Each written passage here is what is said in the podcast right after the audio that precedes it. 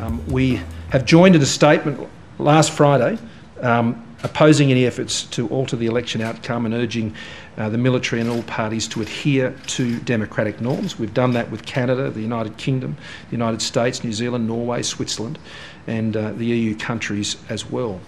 So we all hope for Myanmar. We all hope for what I know the Myanmarese, Myanmarese people want to achieve. Pada episode kali ini adalah episode yang berbeda dari sebelum-sebelumnya. Pada episode kali ini saya akan membahas secara garis besar tentang Myanmar yang lebih spesifik adalah sebuah pertanyaan atau question yaitu apa yang sebenarnya terjadi di Myanmar. Mungkin sebagian dari kalian bertanya-tanya, kenapa membahasnya baru sekarang atau udah telat banget membahasnya karena udah tertimbun dengan berita-berita yang lain yang lebih aktual. Iya deh, maaf ya, namanya juga manusia dan rakyat jelata, tidak seperti para pejabat yang Oke, kita lanjut.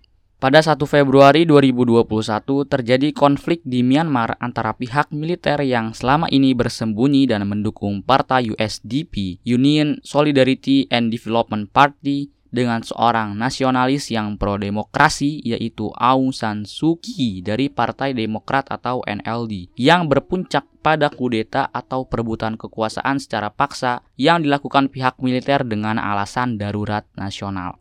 Melihat berita ini, saya mencoba untuk berpikir keras menganalisis apa yang akan dilakukan oleh pihak militer setelah mendapatkan kekuasaan.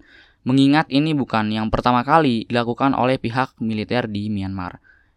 Di satu sisi, saya tertuju kepada Turki di mana setelah runtuhnya Kesultanan Turki dan didirikannya Republik Turki terjadi sebuah instabilitas politik yang dilakukan oleh pihak militer untuk melakukan kudeta beberapa kali. Juga antara nasionalis religius dan nasionalis sekuler terus berdenyut, serta antara AKP, Partai Erdogan dan CHP, partai yang berideologi sekuler warisan Ataturk terus berselisih. Namun di satu sisi saya juga melihat ketika masa pemerintahan Soeharto yang otoriter. Namun bedanya Soeharto tidak arogan saat itu. Ia dilantik dilantik melalui sidang istimewa MPRS tahun 1967.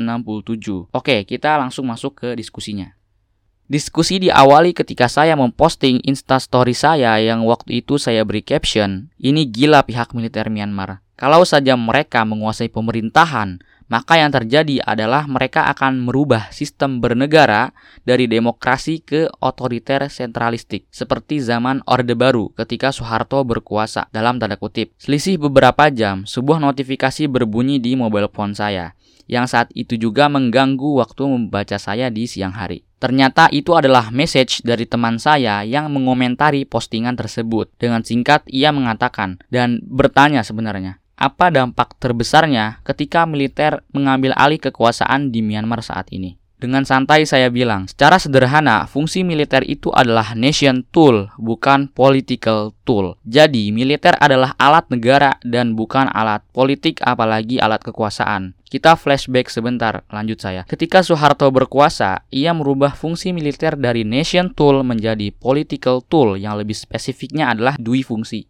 Dui fungsi yang dimaksud di sini adalah peran militer pada waktu itu fungsinya sangat beragam, mulai dari eksekutif, yudikatif, sipil, politikus, gubernur, wali kota, anggota parlemen, dan sebagainya. Yang saya khawatirkan adalah hal yang terjadi di zaman Soeharto akan terjadi di Myanmar. Kemungkinan terburuknya adalah mereka akan menjadikan militer sebagai political tool. Lanjut saya dengan nada yang cukup mengkhawatirkan. Lalu saya melanjutkan. Kalau misalkan militer dijadikan political tool, mereka akan berbuat apa saja yang mereka inginkan. Yang jelas pasti otoriter.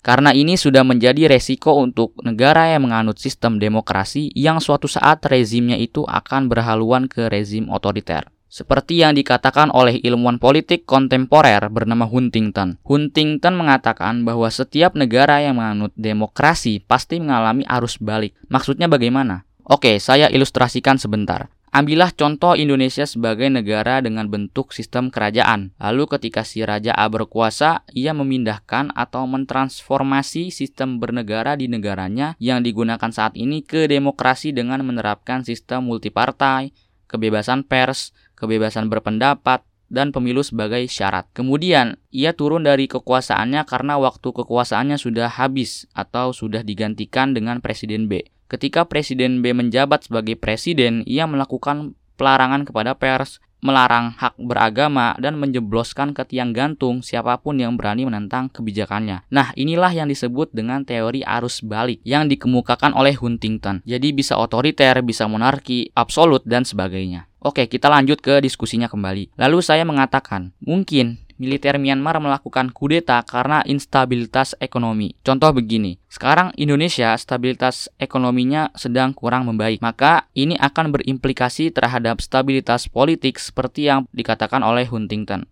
Huntington pernah bilang, stabilitas ekonomi akan mempengaruhi stabilitas politik dan demokrasi. Tapi yang paling berpengaruh adalah rezim yang memerintah saat itu. Lalu di sinilah sisi menariknya. Teman saya pun mulai angkat bicara. Coba kita keluar terlebih dahulu dari konteks Myanmar ya katanya. Coba kita lihat Indonesia. Indonesia ini sebenarnya sudah memenuhi indikator-indikator menjadi negara otoriter. Contohnya penolakan untuk memiliki komitmen yang lemah terhadap suatu aturan. Maybe kayak gitu menurut saya, sambungnya. Lalu ia melontarkan sebuah pertanyaan.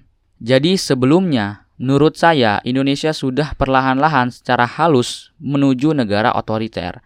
Karena akhir-akhir ini banyak tindakan pemerintah yang kalau dinilai mengarah ke bentuk pemerintahan otoriter, seperti memenjarakan lawan politiknya, membuat undang-undang yang non-win-win solution, pembatasan demonstrasi, dan lain-lain. Pertanyaannya adalah, apakah Orde Baru akan terulang kembali di Indonesia, atau Indonesia akan menjadi negara otoriter tapi dibungkus dengan demokrasi? Mendengar pertanyaan ini, saya langsung mengerutkan dahi tidak tahu apa yang harus saya jawab. Karena ini adalah pertanyaan yang di luar pikiran saya. Saya tidak pernah berpikiran kalau teman saya itu bertanya sampai sedetail itu. Akhirnya saya mencoba untuk menjawab dengan data analisis yang saya punya. This is question is very good, puji saya. Jadi sebenarnya kita harus terlebih da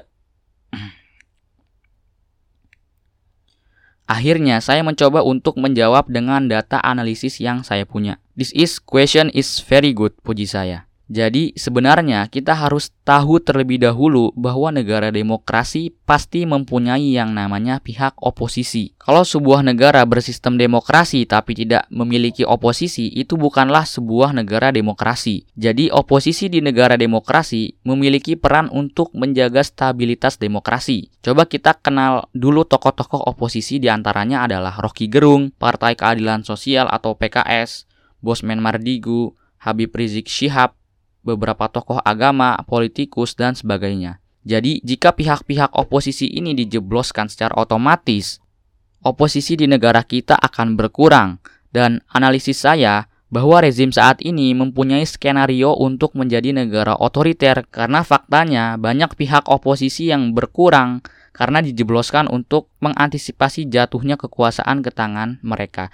Dan ada pula yang ditarik untuk bergabung dengan mereka ke dalam sebuah pemerintahan. Yang dengan perginya Sandiaga Uno dan Prabowo itu cara tidak langsung mengurangi jumlah oposisi yang ada di negara kita saat ini. Yang kedua, demokrasi hanya digunakan ketika pemilu, pilkada, ataupun pemilihan calon legislatif yang dibungkus dengan kata pesta demokrasi. Selanjutnya, yang ketiga adalah ketika suatu rezim ingin berhaluan ke otoriter, mereka akan merubah fungsi militer dari nation tool ke political tool dan menerapkan sistem non-multi partai atau partai tunggal. Yang keempat, oligarki warisan Soeharto akan bergerak bebas memonopoli politik dan ekonomi sebagaimana yang mereka lakukan saat zaman Soeharto. Mereka akan menjadi kapitalisme elitis besar yang akan mengintervensi perekonomian secara prioritas. Lalu yang kelima adalah berubahnya ideologi. Negara otoriter pasti punya ideologi. Seperti halnya Tiongkok. Mereka adalah negara otoriter yang menggunakan ideologi komunis. Maka analisis saya, Indonesia akan berubah ideologinya yang tadinya adalah Pancasila dan Undang-Undang 45 menjadi komunis. Jelas saya sebagai penutup.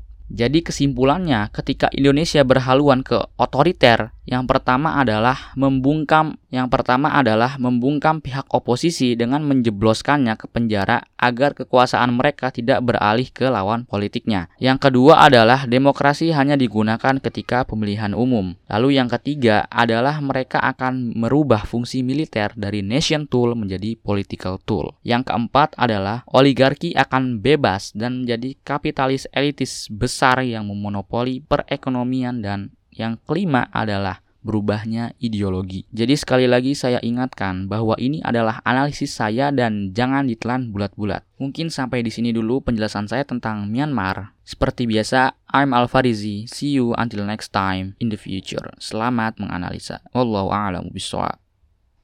Yang keempat adalah oligarko, eh oligarko.